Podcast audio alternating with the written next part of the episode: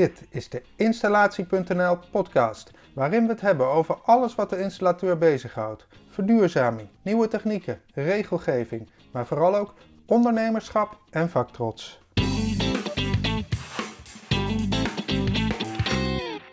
In deze aflevering gaat het over Bang. Dat zijn de nieuwe energie-eisen voor nieuwbouwwoningen die volgend jaar van kracht worden. Wat betekenen die eisen nou precies voor de installaties in die woningen? Harm Valk van Nieman Raadgevende Ingenieurs is nauw betrokken bij de uitwerking hiervan. Frans Rijgaard sprak hem op de VSK-beurs en naar dit gesprek gaan we nu luisteren.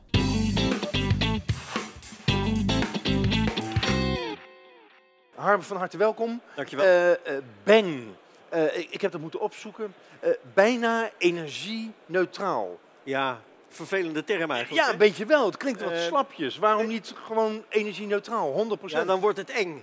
Um, uh, uh, Bang is de letterlijke vertaling van Nearly Zero Energy Buildings. En dat is de term die in de Europese Directive EPBD gebruikt wordt. En dat is de afspraak die we Europees met elkaar gemaakt hebben... Ja? om vanaf 2021 alleen nog maar bijna energie-neutrale gebouwen te realiseren. Oké, okay, dus nou, de ambitie is niet helemaal energie-neutraal? Op termijn wel, uh, maar er wordt één tussenstap genomen... Uh, waarom? Omdat echt energie-neutraal op uh, te veel momenten nog net niet mogelijk is. Okay. En uh, als je het hebt over Bang, dan heb je het dus over een wettelijke minimumeis. dus het is eigenlijk wel een bodem in de kwaliteit die er gelegd wordt. En vandaar het bijna. Het moet altijd bijna, maar de uitdaging voor de sector is wat mij betreft om het beter dan Bang te doen waar dat kan. Ja. En um, Bang komt in de plaats van EPC. Ja. Waar staat EPC voor? Energieprestatiecoëfficiënt. Oké, okay, dat, dat, was, gaat... dat was één getalletje. Ja? En bij Bang uh, worden het meerdere getallen. Dus we moeten op, vanuit meer invalshoeken kijken naar de energieprestatie van het gebouw. Wat was er mis met EPC? Uh, op zich niet zoveel mis, maar hij was wat sleets aan het worden. Uh, EPC heeft een ontzettend goede functie gehad in de sector. Uh, realiseer je dat heel veel innovaties een steuntje in de rug hebben gehad vanwege de EPC. Uh, denk aan de HR107-ketel, uh, waarin, waarin de Nederlandse technologie toch echt ook Europees vooruit heeft gelopen. Denk aan gebalanceerde ventilatie met warmteterugwinning. Maar denk ook aan betere ventilatieroosters. denk ook aan de introductie van warmtepompen. Allemaal werd het gesteund door een goede waardering in de energieprestatie. Nou, het nadeel van die EPC was dat het alleen maar alles op één hoop was. En daardoor kon je, en dat werd wel eens gezegd, uh, een slechte kwaliteit van de gebouwschil compenseren met een hele goede installatie. Ja. Ja, Waardoor dat, je toch goed, per saldo goed uitkwam. Ja, per, gemiddeld kwam het dan wel goed.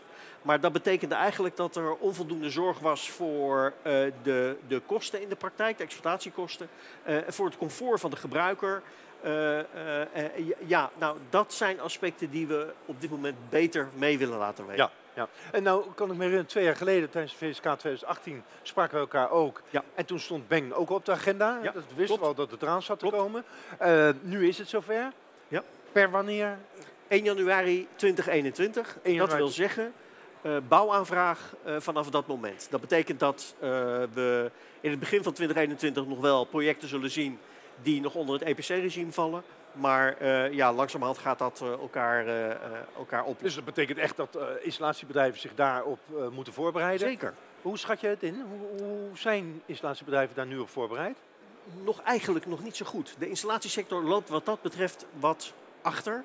Ik zie het bij de ontwikkelende partijen, de opdrachtgevende partijen. En ik zie het bij de bouwbedrijven iets beter. Uh, ik vind de installateurs. Komt het dan niet automatisch ook bij de installateurs? Jawel, het komt wel automatisch bij de installateurs. Maar dan blijf je als installateur in de rol zitten van. Reactief. Nou, ik hoor wel wat ik moet maken. Ja. Reactief. Ja.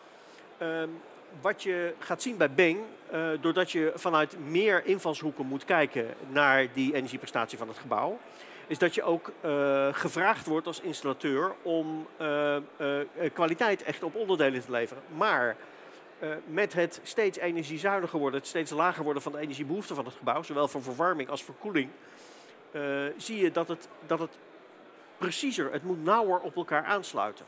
En wat je gaat zien is dat uh, de samenhang tussen de gebouwschil en de installatie, die samenhang daartussen wordt belangrijker.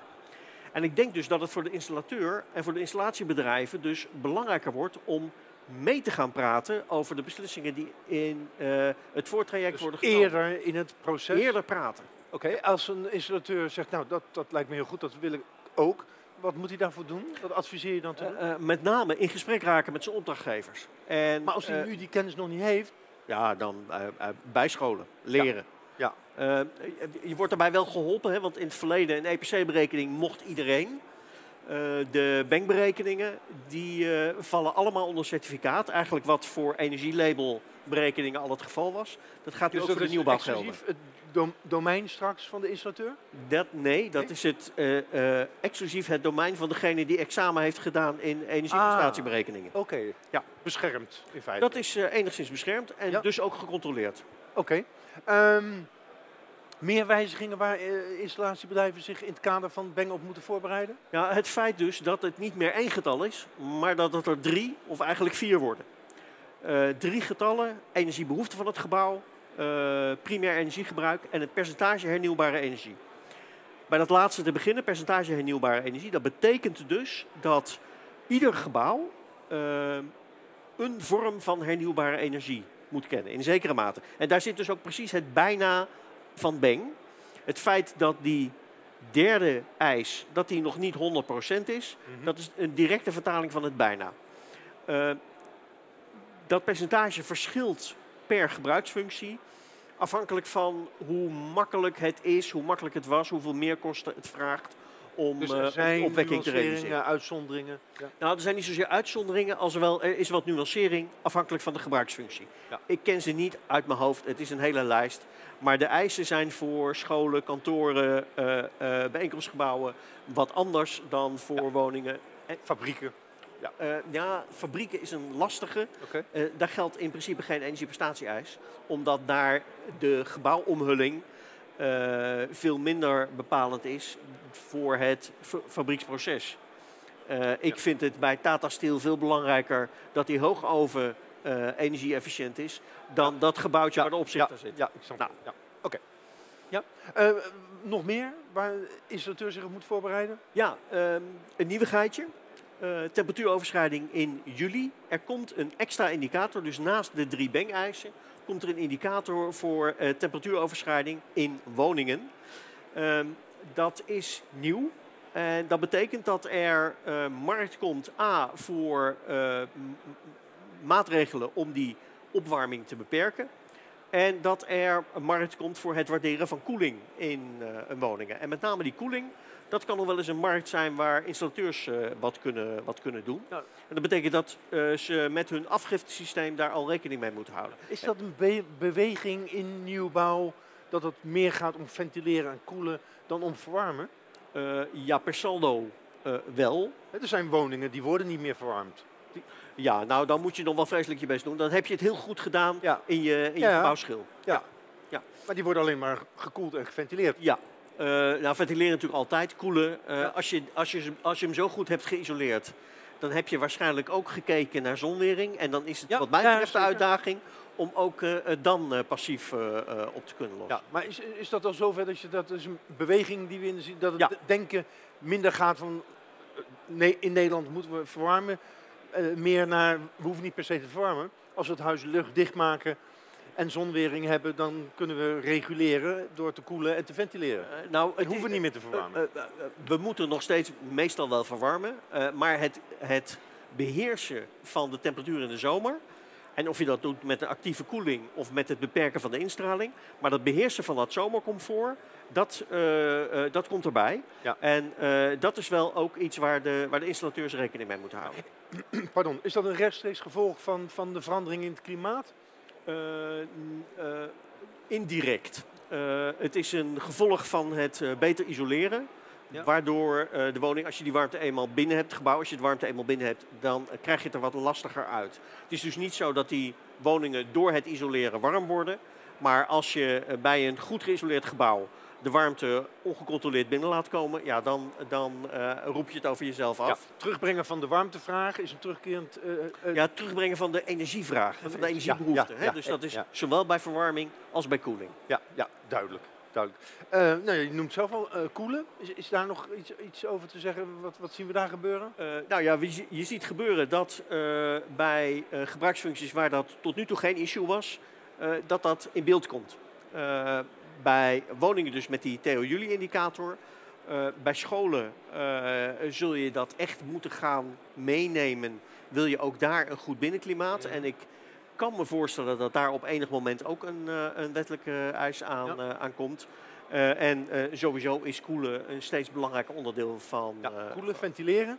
ja, nou ja, ventileren, dat was ook altijd al van belang. Wat je ziet bij ventileren is dat er eigenlijk nu de definitieve doorbraak is voor vraaggestuurde ventilatie op basis van ofwel aanwezigheid, sensorsturing, etc.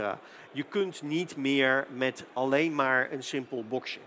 De, de, de keuzevrijheid in eh, maak je systemen die eh, eh, volledig mechanisch zijn of maak je systemen die op basis van ook van natuurlijke krachten, die keuzevrijheid blijft. Maar de keuzevrijheid, wel of niet vraagsturing, je zult bijna altijd naar systemen gaan die eh, met vraagsturing, eh, Ja. die vraagsturing hebben. Zijn er systemen, zijn er technieken die we de komende jaren langzaam eh, minder zullen zien worden? Of die we zullen zien opkomen? Wat zie jij daar gebeuren? Ah, En de- je hebt geen glazen bol, dat ik, weet heb, ik. ik, maar- heb geen, ik, heb, ik heb geen glazen bol. Maar je hebt daar wel moeten, ideeën over. Er moeten, er moeten nog veel beslissingen worden genomen. Er hangt heel veel af van wat gemeenten gaan besluiten in hun warmtevisie en wat dus op regionaal gebied gaat gebeuren. Ik ben erg benieuwd of eh, het aanbod van warmtelevering van de grond gaat komen. Nou, als dat zo is, dan, is dat een heel, dan kan dat een heel aantrekkelijk aanbod zijn eh, voor, eh, eh, voor, bestaande, voor het bestaande vastgoed. Mhm. Ehm, omdat de, eh, de aanpassing dan installatietechnisch beperkt kan blijven. Eh, wat in alle gevallen geldt, is dat alle vastgoed verduurzaamd moet worden. Dus in alle gevallen stelt dat als je een bestaand gebouw hebt, dat kan me niet schelen of dat nou een kantoor of een school of een woning is, ehm, dat de, de vraag, de energiebehoefte, dat die omlaag moet. Ja. En dat doe je over het algemeen door die gebouwschil op niveau te brengen. Ja. Hoe? Ehm, Dus er zijn al diverse eh, eh, manieren.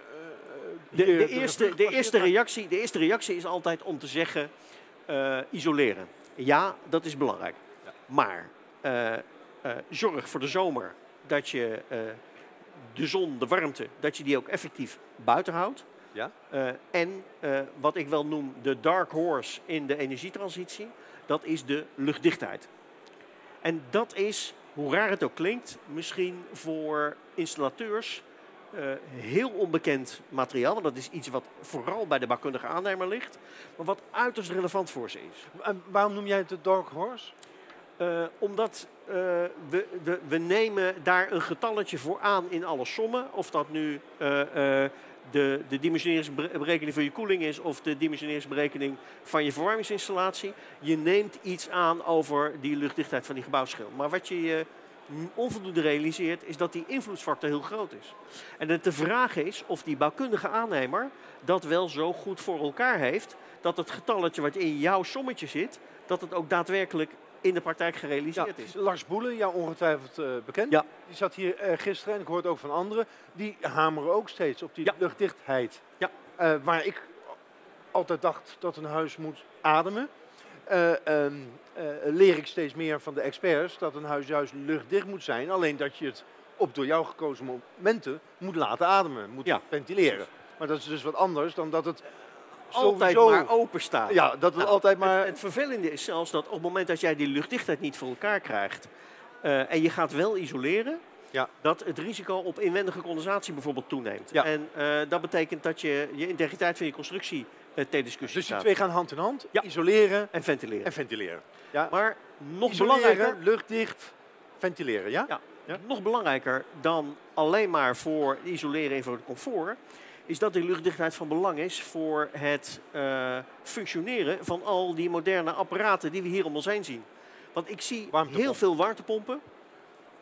Eh, en het kenmerk daarvan is dat die op eh, eh, goed functioneren bij laagtemperatuurverwarming, hoogtemperatuurkoeling. Uh, maar dat betekent dat de vermogens per vierkante meter afgifte beperkt zijn.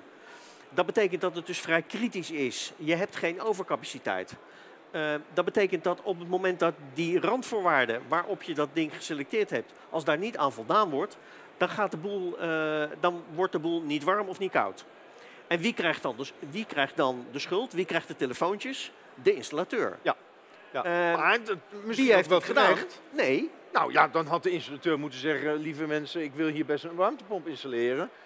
Maar eigenlijk moet je dan ook dit en moet je dat en moet je zus en moet je Precies, dus hij moet zijn randvoorwaarden bewaken. Ja, en, en moet hij ook die kennis hebben? Uh, die kennis moet hij hebben. Uh, en, uh, maar het is ook gewoon een kwestie van, jongens, even, dit zijn mijn randvoorwaarden. Willen jullie even laten zien dat je voldoet? Ik maak wat dat betreft vaak de vergelijking met een parketleverancier. veel mensen hebben wel eens parket laten leggen. En die hebben, net als ik, de vervelende ervaring. De man komt binnen, steekt zijn vochtmeter in de vloer en zegt oh, tot oh, over oh. zes weken. Oh. ja, ja. Want hij weet dat op het moment dat die vloer te vochtig is, die planken gaan kromtrekken en hij de schuld krijgt, want hij heeft slechte planken geleverd. Ja, nee, dus moet vocht eruit. Die vloer, wacht even, die vocht moet eruit. Dat moeten installateurs leren. Dat gebouw moet qua isolatie, qua luchtdichtheid op het niveau zijn die de basis vormden voor de selectie van hun installatie. Ja. En waar, waarom gaat dat soms mis? Is dat, is dat gebrek aan kennis bij de installateur of is dat... Uh, um, dat is een, een, verschil tussen een installateur die een warmtepomp adviseert zonder zich rekenschap te geven van, van de rest van de woning. Of een installateur die, omdat de klant het vraagt, een warmtepomp levert zonder zich rekenschap te geven van... Ja. Uh, in beide gevallen is het niet goed, maar ik vind het eerste kwalijker. Want in het tweede geval wil hij misschien de klant te willen zijn. Terwijl ja, ik sprak een installateur, Martijn Verspeek. Die zei, ja, soms kom ik bij mensen die vragen om een warmtepomp. Maar dan kom ik bij die mensen thuis en ze ja, hier, hier wil ik best een warmtepomp uh, plaatsen. Maar dan moet je ook dit en dat en dat en dat. Nou, wij zijn op zoek naar installateurs met de kennis zoals, zoals wat, je, wat, wat Martijn heeft. Ja. En die ook de moed hebben om dat tegen de klant te zeggen. Ja. En dat vraagt wel wat uh, uh, kennis. Maar waar, ja, waar zit het dan in kennis of zit het hem in ja, misschien te dienstverlenend willen zijn? En, en uh, misschien te onderdanig willen zijn en niet, niet leidend te durven zijn in het gesprek met die klant. Ja, maar dat gaat wel hand in hand. Ja, ja. maar waar, waar, waar zit het hem in? Wat, nee, ik denk dat in beide, in beide speelt wat. Je moet als installateur veel assertiever durven zijn. Je ja. moet, maar dat betekent dat je wel de kennis moet hebben van wanneer doen mijn spullen het nu wel of niet uh, goed. Ja. En wat dat betreft heeft de sector nog wel een slag te maken. Want we komen, zeker als we kijken naar de woningsector, uit de situatie waarin die cv-ketel, die loste al je problemen op. Ja. Want er zat altijd voldoende capaciteit in. Ja. Eindeloos veel warm tapwater en een eindeloze overcapaciteit in, uh, in de warmtelevering. Dat dat uiteindelijk betekende dat die uh, eindgebruiker misschien wat meer kubus gas verstookte dan strikt nodig was.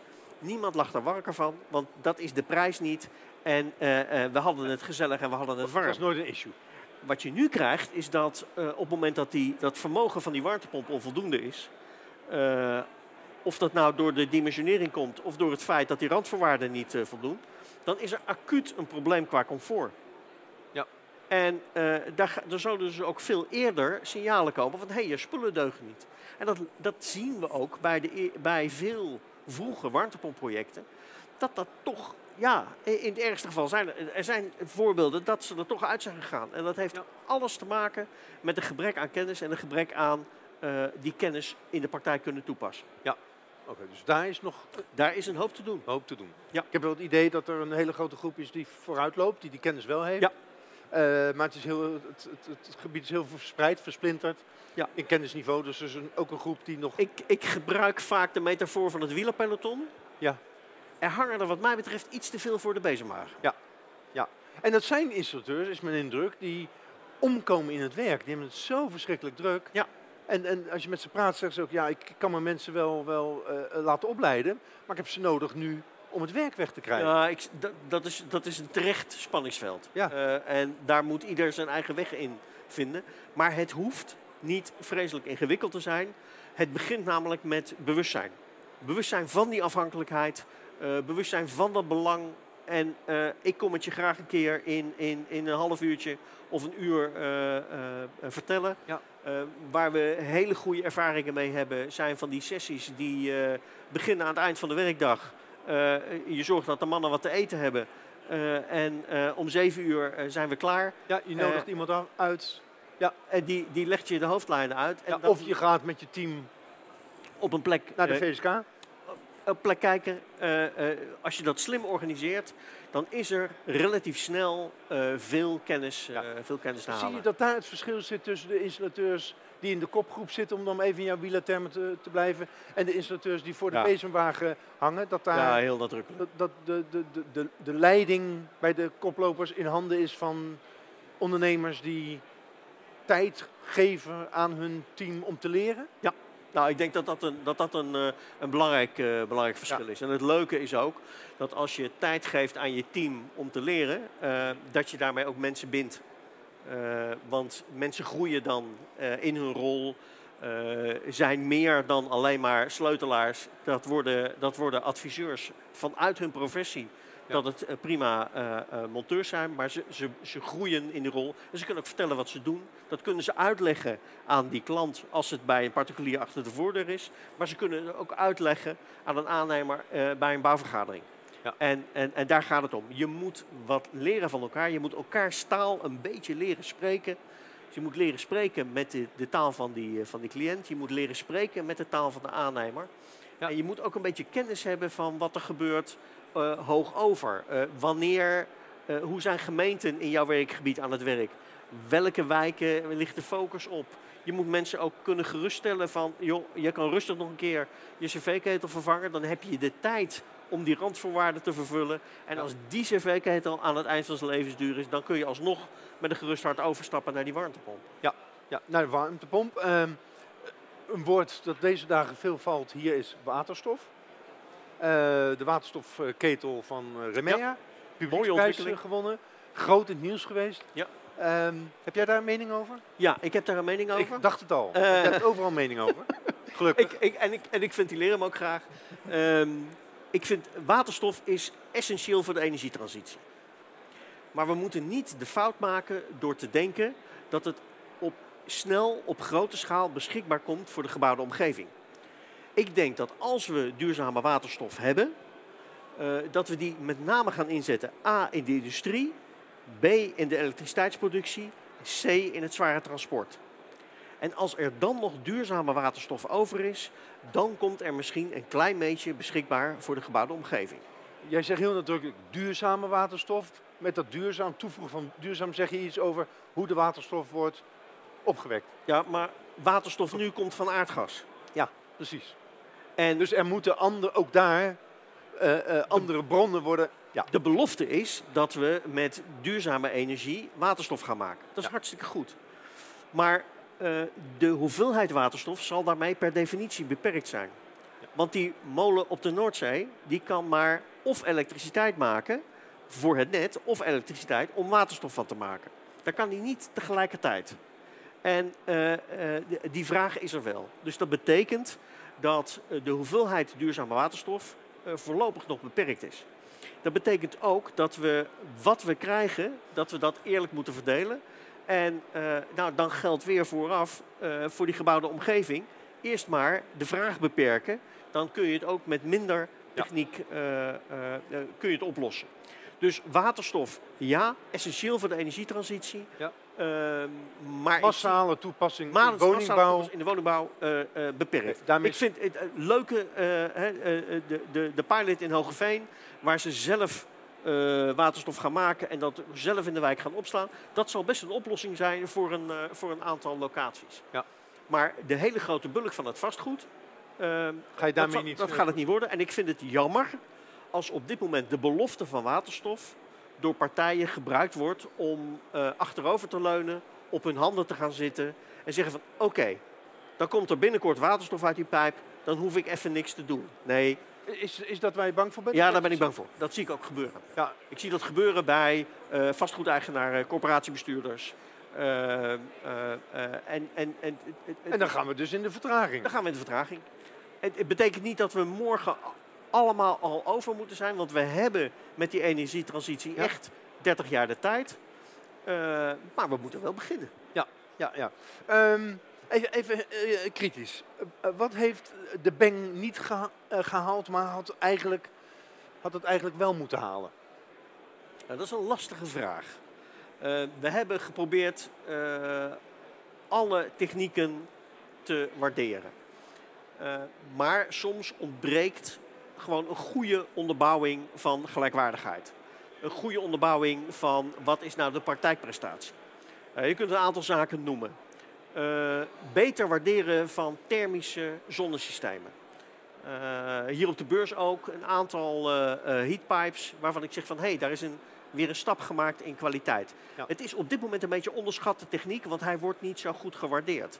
En je kunt met heatpipes als bron voor allerlei andere eh, eh, toepassingen kun je een hoop bereiken.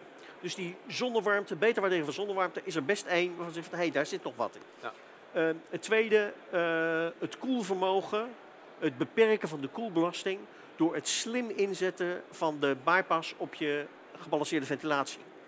Dus zowel in woningssystemen als in grotere systemen is het schakelen met warmte terugwinning, eh, dat wordt steeds beter.